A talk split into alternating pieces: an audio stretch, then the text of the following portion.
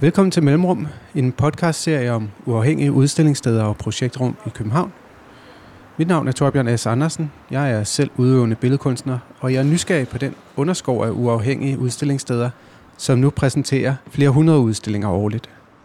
Jeg tager ud og besøger nogle af projektrummene og hører om deres sted, deres vilkår, ambitioner, deres udfordringer og de mange muligheder inden for denne boblende del af kunstscenen. I det her afsnit besøger jeg Bizarre Logistics, som er startet af Maj Dengsø, Louis Scherfi og Magnus Andersen. Jeg taler med Maj og Louis om at drive Bizarre Logistics. Velkommen til Mellemrum.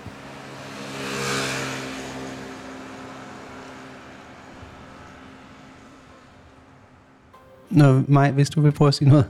Bare lige introducere kort, hvem I er. Jeg er Maj Dengsø, kurator og kunsthistoriker, og har Bizarro sammen med billedkunstner Louis Scherfi og Magnus Andersen, som også er billedkunstner. Og vi er nede i Bizarro på øh, Gammel Mønt, og inde i en baggård, hvor der engang lå et nonnekloster, som husede fattige, der kom ind fra gaden.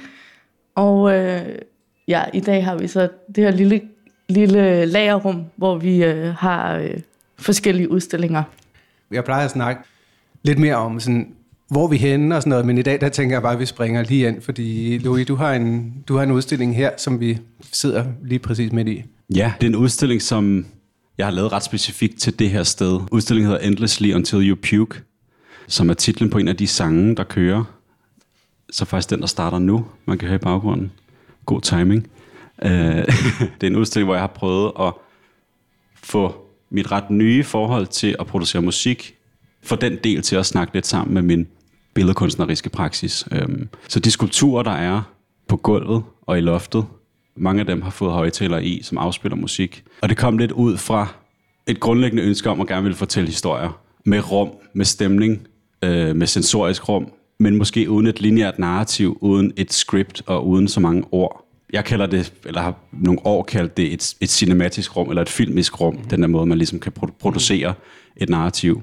Og så i rummet hænger der forskellige, ret mange forskellige runde skulpturer, som på en eller anden måde forholder sig til en idé om en verden eller et univers. Hvad konstituerer en verden? At de er alle sammen sfæriske. Altså, det er både en, en verden, men det er også lidt et værelse. Fordi der er sådan lidt hyggelys over det, eller fordi alt det der, altså det grønne og det røde og det blå og sådan noget, det giver sådan en meget dejlig sådan atmosfære, sådan lidt varm blød. Klart, men det er også lamper, det skal jeg måske også sige. Nå, sådan, okay, alle de her ja. skulpturer er lamper, som har en ret hjemlig Okay. øh, æstetik og form. Øhm, de forholder sig også til planeter og til universet, som måske også er noget, man forbinder med et, en anden tid, et teenageværelse, et børneværelse. Jeg sagde lige i starten, at der havde ligget sådan et nonnekloster der tidligere, men det var også bare Ja. ja. for at forklare den der kontrast. Lige nu ligger vi nede under en Humac-butik. Hvis der er en udstilling hernede uden musik, kan man høre sådan, nærmest en tilsvarende lyd op fra Humac-butikken. Fordi de spiller sådan noget musak. Det gør de. Nogle gange spiller de festmusik. Der er to rør deroppe, som går direkte op i deres butik. Og så en dag gik vi derop, og så kunne man høre, så snart man kom ind, så blev der skruet ned. Og så de der to personer, der var deroppe, ligesom havde sådan et device i lommen, hvor de skruede Okay. op og ned. Så det var mere sådan en festting. Når der ikke var kunder i butikken, så skruede Nå, ja. de op for det, så de kunne have det lidt nice. Man får det hele med fra hele matriklen hernede. Men øh, de hører ikke jer. Jeg tror ikke, de hører os. De ved heller ikke rigtigt, at vi, vi eksisterer. Nej, det var det, jeg var lidt nysgerrig efter. Der, der er nogen, der ved, at vi eksisterer, som er sådan Ja. ja. dem, dem, der bor her. Altså egentlig er det sådan en erhverv og en øh, vinbar og en læge. Men der bor også nogen. Og der er nogle gange, hvor vi har holdt åbning her, hvor der har været mange folk øh, ude i baggården, hvor der er blevet kigget sådan lidt skeptisk på os, og også hvis der er nogen, der står og, og læner sig op af en Tesla-bil, eller stiller ja. en, en Ja. ja. dåseøl på Ja. ja. forruden, så er det sådan... Det var en- både lidt undrende. Så har vi været lidt bange for at blive smidt ud, men det er ikke sket endnu. Vi har været her i to år nu. Ja, jeg har hørt om de konflikter der før. Jo, og det er jo også, altså der er jo flest mennesker, når vi har de der åbninger, fordi ellers så er det jo sådan et, et lyssky udstillingssted, hvor at folk kommer by appointment. Vi har en aftale med dem, der gerne vil ned og se det. Det er også en del af konceptet faktisk, at vi sådan er sådan en form for kustoder, har vi beskrevet mm. det lidt som. Altså, mm. Men altså, vi har stået ude foran der ved porten, og så byder vi faktisk allerede folk velkomne derude. Og så kommer man ind i sådan en meget smuk baggård, med sådan nogle høje, gule bygninger. Og så kommer folk ligesom ned af sådan en, en lidt snoet trappe, og så ned i et kælderrum, og så herind. Øh, og så er vi her selvfølgelig altid, altså nu sidder jeg lige ved siden af sådan udstillingsteksten med en titel og en floorplan, og øh, de, en, en liste over det musik, der spiller. Men ellers så har vi altid en af os til ligesom at være her og fortælle om udstillingerne. Det har der været mange, der har været rigtig glade for. Ja. Den måde, vi har formidlet udstillingerne mm-hmm. på.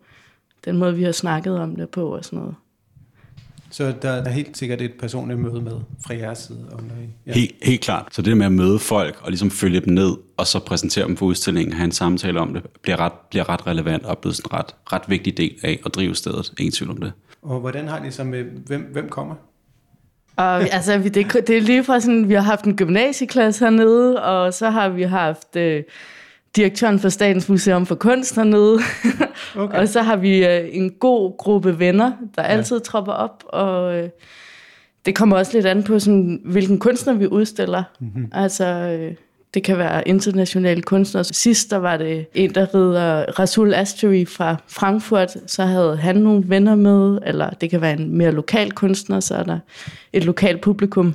Øh, vi havde også Ursula Reuter Christiansen hernede og udstille, så kom nogle af hendes gamle venner øh, herned, så det er sådan meget broget, broget skare af... Unge mennesker og unge kunstnere, der er meget interesseret i kunst. Og også helt klart folk, der kommer igen på grund af det der meget personlige oplevelse øh, og samtale. Når vi har reflekteret lidt over, hvad det egentlig vi laver, så har det også været meget sådan en samtale om, at vi gerne vil styrke forholdet mellem sådan kunstner, kurator og kunstformidler. Altså vi har også beskrevet lidt som sådan en kuratorisk research-kollektiv, men vi har arbejdet meget tæt sammen med de kunstnere, som har udstillet hernede. Og det har altid været sådan nogle udstillinger, ligesom Louis nu gør det, altså udstillinger, der sådan forholder sig til rummet og til Bizarro. Det er ret tydeligt nu, som er noget, der har udviklet sig over tid, at der opstår sådan en genealogi imellem de udstillinger. Især de første, dem vi lavede det første år, hvor at vi ved hver udstilling faktisk skiftede farven på væggene i rummet. Ja, man kan se rester over det hele oppe i loftet her. Men det der med at ligesom skifte farven, skifter også sætningen ret mm-hmm. dramatisk mm-hmm. og meget intenst, øh, og producere et helt nyt rum. Det der er ret spændende at se, hvordan kan rummet skifte sig så meget, mm-hmm. skifte ham, og hvordan kan det ligesom producere konteksten for rummet, og hvordan vil det også for de besøgende, der kommer, hvordan vil det feed ind i deres oplevelser af de næste udstillinger. Vi siger, at nu er du et kuratorisk uh, research-kollektiv. Hvordan fungerede det så den her gang i forhold til, at du er jo en del af det, men også at du lavede en udstilling? Ja, vi, altså, vi snakkede om det inden, øh, men det var også sådan, fordi jeg var en del af det, så fik jeg også sådan lidt, det var sådan lidt, jeg fik også ligesom bare lov til at gøre, gøre hvad jeg ville. Lidt carte blanche til bare ligesom, okay. jeg tror, der var tillid fra, fra de andre side til sådan, at jeg var både kurator og, ja. øh, og, og kunstner i det her tilfælde. Ja, jeg ved det ikke, jeg følte, I stolede på det, at vi havde haft så mange samtaler om rummet. Og Altså det kan måske også siges, det der med, at vi, vi alle sammen arbejder ved siden af. Mm. Altså jeg selv som kurator og Louis øh, og Magnus som billedkunstnere. At, der er, at vi også sådan kan aflaste hinanden på den måde, at vi fungerer som et kollektiv i den forstand, at vi snakker rigtig meget sammen. Men det kan også være rigtig rart, at når Louis så udstiller hernede, så, så giver det også lige et puserum på en eller anden måde, fordi man bare har tillid til, at nu lukker vi Louis fri ned i Bizarro, og så kommer der et, et univers ud af det. Og så dukker I andre op og ser, hvad der er sket. Ja, ja, ja. Hvor når der er andre kunstnere hernede, så skal vi holde vagt. Ja. Nej, jeg driller. Nej, det er jo sådan lidt, apropos det der med at aflaste, det er, vi prøver at gøre det ret organisk. Der er ikke sådan faste roller i forhold til, hvad vi, vi gør. Det er, sådan, okay. det er lidt organisk. Øh, og alt afhængig af, hvem er kunstneren. Ofte, alle de kunstnere, vi har udstillet, er jo kunstnere, vi kender. Øh, så sådan, der er også en eller anden connection fra, fra, fra hver især, eller nogle gange er det som en kunstner, der har en specifik relation til den kunstner, som på en eller anden måde har et større ansvar end de andre. Øh, så den måde er det også meget organisk, organisatorisk. Og også når I har fået folk ind, der, der bor i udlandet og sådan noget, så er det nogen, I har haft en forbindelse til? Ja, det er det. Vi har faktisk ikke udstillet nogen, som vi ikke kendte personligt, tror jeg.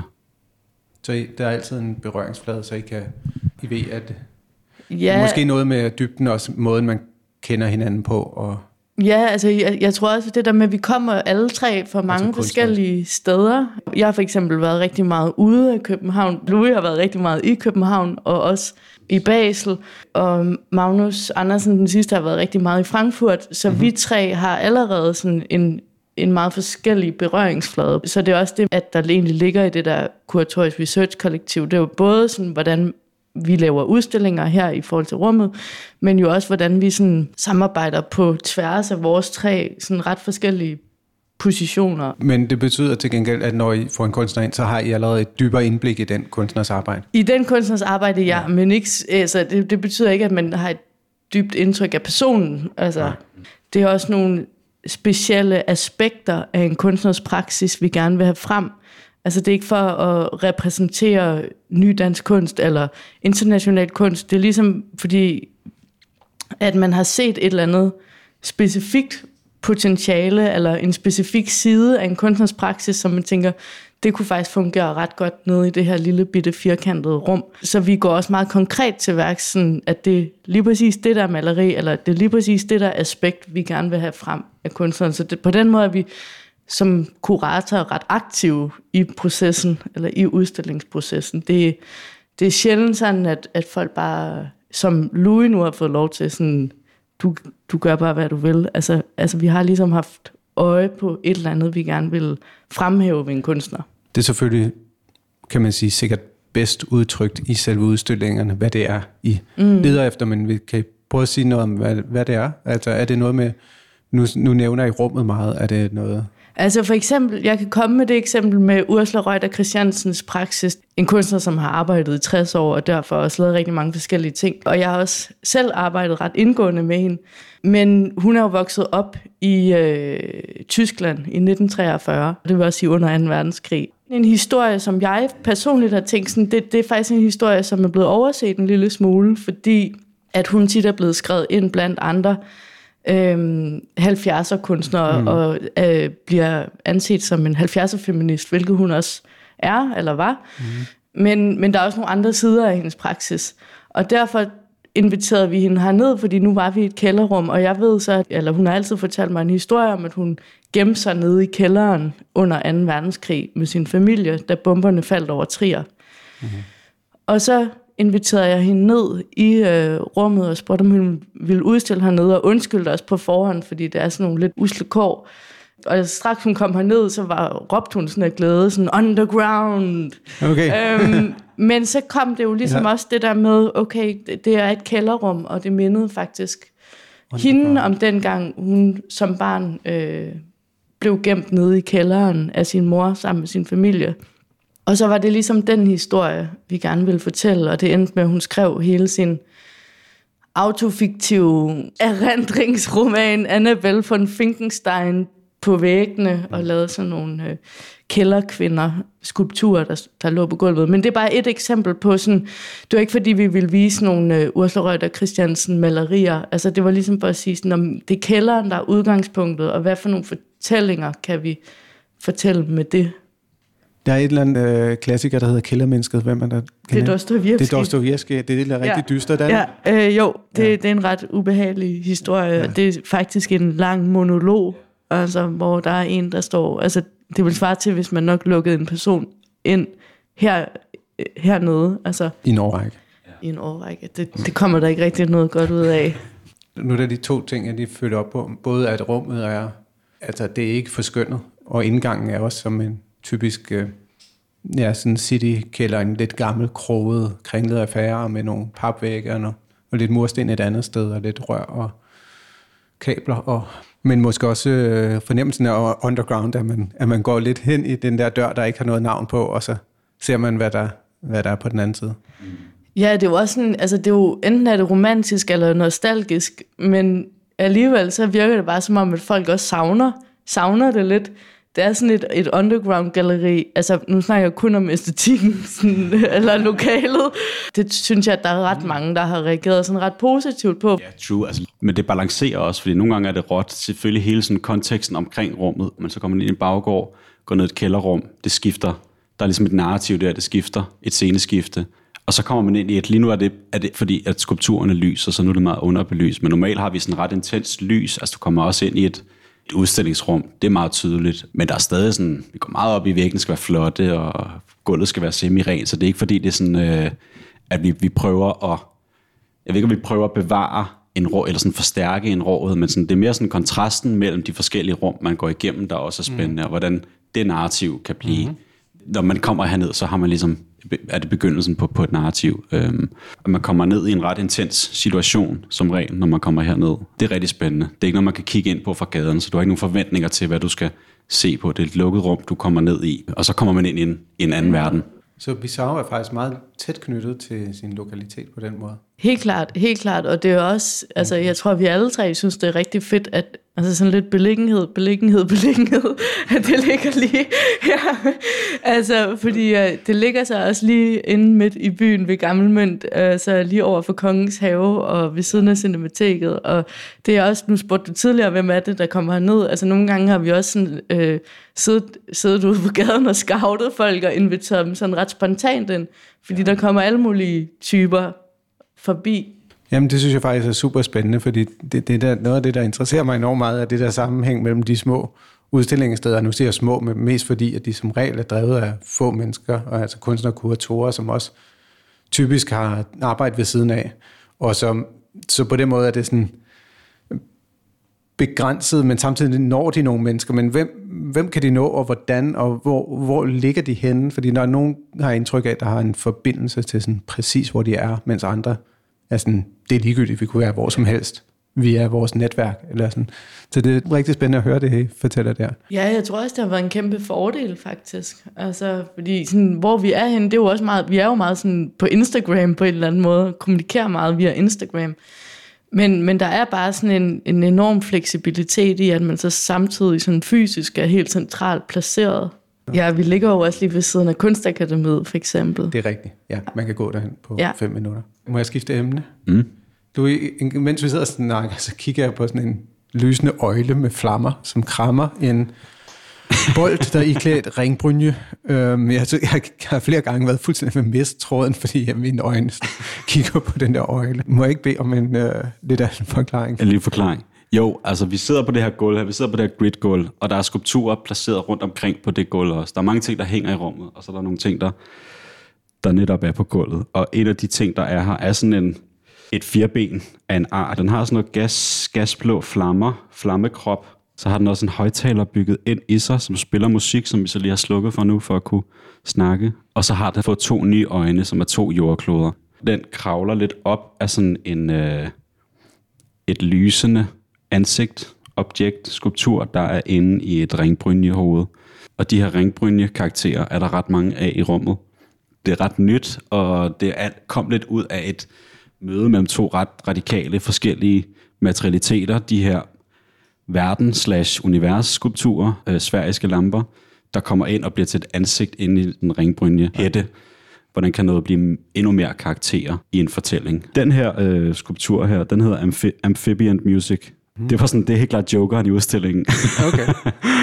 som var sådan en, altså den her plysdyret her har været på mit atelier i nogle år. Men så med den her udstilling var der det her element af lyd, som på en eller anden måde lyden, der blev til en stemme, der befolkede en skulptur. Du kan give det en fortælling. Det er også det, jeg har gjort med mange af skulpturerne. Der er også noget lidt verdens begyndelse over det. Altså både de der sådan, øh, væsener, der begynder sådan at kravle op, og, de, og det her gulv, det ligner også sådan noget, sådan noget pladetektonik på mm. en mhm. eller anden måde. Så sådan verdens begyndelse møder middel, middelalder møder ungdomsværelse. Der, der er sådan mange sådan nogle ur, urdyr, vel, ja. væltslangen, eller forskellige sådan ja skildpadder, forskellige dyr, der på en eller anden måde bliver meget øh, verdensproducerende, hvad kan man sige. Der er et eller andet udgangspunkt for, for en verden. Det er lidt den rolle, den har som karakter i den her udstilling. Jeg havde sådan en ringbryn i mit atelier, som jeg har haft i mange år, som jeg nogle gange har haft på. Det der med at have ringbryn på, har en virkelig det er ret dejlig, sådan lidt angstdæmpende effekt, det der med at have noget tungt mm-hmm. på sig. Altså ligesom sådan de her tunge kugledyner for eksempel. Mm-hmm. Det er lidt den effekt, det har. Måske det er også lidt en kommentar på rum expansion i dag, eller sådan den her måde tech-milliardærer ligesom bruger rummet som sådan den ultimative frontier, har også bare sådan ret ubehageligt kolonisatorisk aspekt. Og for nogle meget rige mennesker, måske har de lidt af det i sig, de her rum colonizers. Det her grid på gulvet med de her gamle, lidt støvede, øh, grå plastik, lysstofrørkasser, det er også et materiale, tænker jeg, som virker meget sådan stærkt hernede, fordi et type rum, der har haft sådan nogle kasser i sikkert i 30 år, eller kunne have haft det. Ja, helt klart. Og jeg var interesseret i at bruge det som gulv, fordi jeg synes, det havde sådan en vektorfølelse, eller det der med, at vektor kan noget skaleres op og skaleres ned. De her sveriske verdener, skulpturer, der på en eller anden måde peger på noget meget stort, men også noget meget småt. At det sådan giver sådan ret underlig håndarbejdet, digital følelse. Det er meget taktilt i hvert fald. Ja, taktilt. Men man er hele tiden sådan opmærksom på det. Ikke på en skræmmende måde, selvom det egentlig ser sådan lidt halvskræmmende ud. Det er det, jeg havde tænkt sådan, et af udgangspunkterne for den udstilling var, at jeg vil gerne prøve at gøre det ret børnevenligt. Jeg har haft en del børn hernede øh, og kigge på den, der var ret nice. I, i starten er de ret, der er de ret freaket ud, fordi det er også lidt et, det, det er et ret radikalt anderledes rum, mm. man kommer ind i, men øh, sker der virkelig nogle, der er virkelig nogle spændende samtaler med børn herinde. Og det her med at gå på det her gulv her, som gør lidt ondt, men på en, på en spændende måde. Mm-hmm. Men det kan være, at vi vender lidt tilbage til så snakken her, det her med at drive et, et udstillingssted. Hvordan tænker I sådan omkring at drive det? Er det noget, jeg har... Nu siger I meget, at det foregår sådan organisk arbejdet mellem jer. Hvordan er sådan fremtidsudsigterne? Hvad, hvad, hvad tænker I med? Er det sådan, vi tager et år ad gangen, eller? Nærmest en udstilling ad gangen. Nærmest En udstilling ad gangen. Altså, det, det skal måske også siges, at det er også et sted, vi holder meget af. Der er sådan meget omsorg. Og så har vi planlagt en til to udstillinger frem i tiden. Okay. Jeg tror også, vi er et af de få gallerier, der ikke har sådan et program lagt for et ja. år. Øh, minimum på en eller anden måde. Øhm, og det, det kan også lade sig gøre, fordi det er sådan, altså, som Louis sagde, et erhvervslejemål, så det, på en eller anden måde har vi også snakket meget om den der bæredygtighed, der ligger i det. Det er enormt billigt for os at lege det her sted, så vi skal ikke overleve i en kapitalistisk sammenhæng mm. eller i en økonomisk sammenhæng. Mm. Vi kan også tillade os at gøre noget andet med, med det rum, vi har her, og det, det synes jeg faktisk, vi har været rigtig gode til at udnytte. Ikke have det sådan stress og ja med det, men tage det sådan lidt stille og roligt en udstilling ad gangen. Nogle gange så kommer de udstillinger hurtigt efter hinanden, og andre gange så øh, ligger Bizarro også lidt i dvale.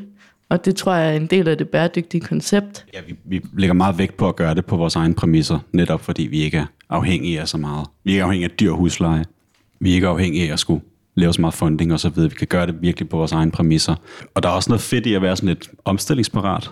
Altså mm. det der med sådan, hvordan skal man tænke en bæredygtig model i dag, er sådan lidt abstrakt. Der er så mange brydninger hele tiden i alle diskurser, og hvad vil det sige at have et sted. Der tror jeg også, du taler om noget, som mange andre udstillingssteder, som jeg oplever det her, tænker på, det her med at have en eller anden form for, hvad er vores bæredygtighed i det? Og der er forskellige løsninger på det. Og en af dem er jo netop mobilitet, økonomisk uafhængighed, sådan nogle ting, at ja, man ikke, han, man ikke låser sig fast. Som min farmor vil sige, du skal kunne leve på en sten, hvis du vil være kunstner. Øh, Ja. og koge suppe på den, og sove Ja. på den, og så videre, så videre. Og det giver et frirum, altså, det er der kun muligheder i. Og Men tid er jo også en økonomi. Det kræver jo en investering fra jeres side. Det er rigtigt. For det første så er det så dejligt, at der er nogen, der er med i Bizarro, som også er kunstnere, som så kan bruge tid på at lave udstillinger ned. Men det andet er også, at øh, det har vi snakket om nogle gange, det der med, at, at der bliver snakket helt vildt meget om arbejdsvilkår i, på kunstscenen lige nu, og af gode grunde. Men der er sådan en ting, der også bliver overset en lille smule, som er frivillighed. Det er tidskrævende, men det giver os enormt meget at altså interessere sig for, og det er sådan noget, jeg selv, selv havde glemt i den diskussion om arbejdsvilkår. Gud, hvad er det nu, frivillighed egentlig kan, og det kan jo mm. den der spontanitet, og det kan også skabe nogle muligheder. Så det kan også skabe en mulighed for kunstnerne, når man kan faktisk komme herned og så være en, en uge, og ikke mere end det, eller to uger, øhm, og vise nogle ting frem, som ikke behøver at være sådan færdige, eller som også må være sådan eksperimenterende. Nu sagde Louis det der med, at vi også maler væggene, altså sådan, at, at der er også et mulighedsrum i den frivillighed og spontanitet, Selvom vi er som er færdiguddannet og så videre, så er det vigtigt at stay curious og blive ved med at lære ting, at det også er sådan en, det her med at drive et sted, er også sådan en ret massiv learning curve for os og for mange mennesker, tror jeg. Så det er mere sådan noget how to stay in school og lære af hinanden og udveksle og, og drive et sted, øh, apropos frivillighed. Og det giver virkelig meget, og det er virkelig spændende, og man lærer virkelig meget. for at vende tilbage til det begreb at gå i dvale, så er der jo så også den, de perioder, hvor Bizarro sover lidt, hvor at det hele lige hviler sig, og så skal vi nogle forskellige andre ting, og så, så er det også bare et, øh, et lagerrum, som man kan låse, og så komme tilbage, når man har tid og mulighed for det. Og det er okay. Og det er totalt okay. Altså første gang vi oplevede det, der var vi lidt bange for, om folk sådan havde glemt Bizarro, og vi holdt sådan en åbning øhm, med Tora Schultz Larsen. ja. Okay. Og der har, tror jeg, der altid har været sådan en nervøsitet, sådan, hvem er der, når man så den der bjørnen sover, når den vågner igen. Hvor er de henne? Hvor har de gemt sig? Men altså, Så er den der, alene. der er vi blevet meget overvældet de gange. Altså, der er der virkelig kommet mange mennesker, og sådan været sådan, okay, de, vi var ikke helt forsvundet eller glemt. Så det har jo været helt vildt dejligt. At, og også sådan et bevis på, at det, det gør ikke noget, at man trækker sig, at man er væk noget tid, at man kan sagtens komme tilbage. Det skal ikke være sådan et ræs og opretholde en karriere. Man må godt trække sig i årvis, hvis det er det, der skal til. det er også lidt en credo, som jeg tror Pizarro arbejder lidt ud fra. Det skal være organisk og føles rigtigt, og det skal, vi skal følge. Det, tiden skal følge med os, vi skal ikke nødvendigvis følge med tiden. Tænker på, hvordan tænker I sådan, har I noget forhold til det med, at der er mange udstillingssteder, mange projektrum i København nu? Fordi det er ligesom noget af det, der har fået mig interesseret i at, i at lave hele den her serie, at, jeg opdagede, at der var så mange, og jeg var meget fascineret af, hvorfor. Og også vildt spændt på at høre alle jeres forskellige historier, ikke? om hvorfor, hvorfor det her. Har I nogle tanker sådan om, hvordan det er at være i en- i en scene, som egentlig har rigtig mange udstillingsrum? Vi har nogle gode søster udstillingsteds øh, kunstnerisk drevet steder, og nogle gode venner. Men Ej, for nu- eksempel har ja, vi sådan undskyld. et, øh, et, et sted, som hedder La Cucina, hvor vi også tit sådan planlægger i forhold til hinanden, og vi har også nogle gode kollegaer ude på Red Tracy, altså sådan, hvor vi faktisk prøver sådan at, at lægge øh, åbninger, både fanisering og åbningstider i forlængelse af hinanden, eller sådan, at vi ikke, vi ikke er sådan konkurrenter, men at, at man sådan arbejder lidt sammen. Sådan, når man bare i, hvis vi har en åbning den samme dag, så okay, så kommer vi ud til jer om formiddagen, og så kan vi, I komme ind til os om eftermiddagen. Og det samme med sådan, vi har jo netop også sådan en, en stor øh, flok af kunstnere, som også udstiller i deres atelier, eller sådan mm. nogle af dem, der plejer at komme her, som også selv laver udstillinger bare i deres atelier. Og sådan. Så nogle gange har jeg faktisk opfattet det lidt som, at vi har lavet sådan en slange, der gik helt ud fra Amager, mm-hmm. og så øh, rundt ind til Indre By og ud til Å Boulevarden og ud til Nørrebro. Og måske også fordi, at, at man sådan ved, at det også at det ikke er sådan for sjov, at man laver det, at det kræver sådan altså, tid og, Det er det. og engagement, og, og så tror man også på hinanden. Altså, hvis vi kommer derud og bakker dem op, så bakker de også os op. Altså, så på den måde hjælper man også hinanden, fordi øh, det er man lidt afhængig af. Der er jo virkelig mange steder, det er også mit indtryk, i, øh, igen apropos det der med både at have en kunstnerisk praksis, lave mange ting og også drive et sted. Du har helt klart et bedre overblik over, hvad der sker i København, end jeg i hvert fald har, tror jeg. Nej, men der dukker hele tiden nogen op på ens radar. Altså, Ja. Og det er også øhm, nogle gange, man oplever sådan, gud, hvordan i alverden har jeg ikke kendt det her? Jeg har ikke hørt om det her før. Det, men det, er jo- det er jo virkelig en god ting. Ja, helt klart. Stederne er jo også ret, ret forskellige, eller de, selvom der er mange ting, der er sammen, det også kommer ud af en, en kunstscene, der jo på en måde er ret lille i København. Men netop det der med, det virker som om mange steder er ret interesseret i, hvordan konteksten omkring der, hvor de har placeret sig, og rummet. Så på den måde skiller de sig meget ud. Det er det fede ved, at der er så mange nye steder, der er åbnet, og, og nogle nye kunstnerdrevede steder, som er åbnet, at der er ligesom selvfølgelig den kommercielle verden, som man kan navigere efter, men så er der også det der usynlighedskort. Mm. Med, altså, det er måske også klassisk undergrund, men det er sådan lidt... Mm.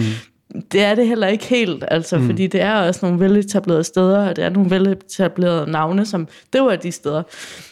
Men der er alligevel de der, altså, de der gange rundt. De gange ville ikke være der, hvis ikke at der var en opblomstring af nye steder. Men nu er der faktisk sådan et, et netværk. Vi har også indtryk af, at en del af det måske hænger sammen med sådan tilflytning og fraflytning på en eller anden måde.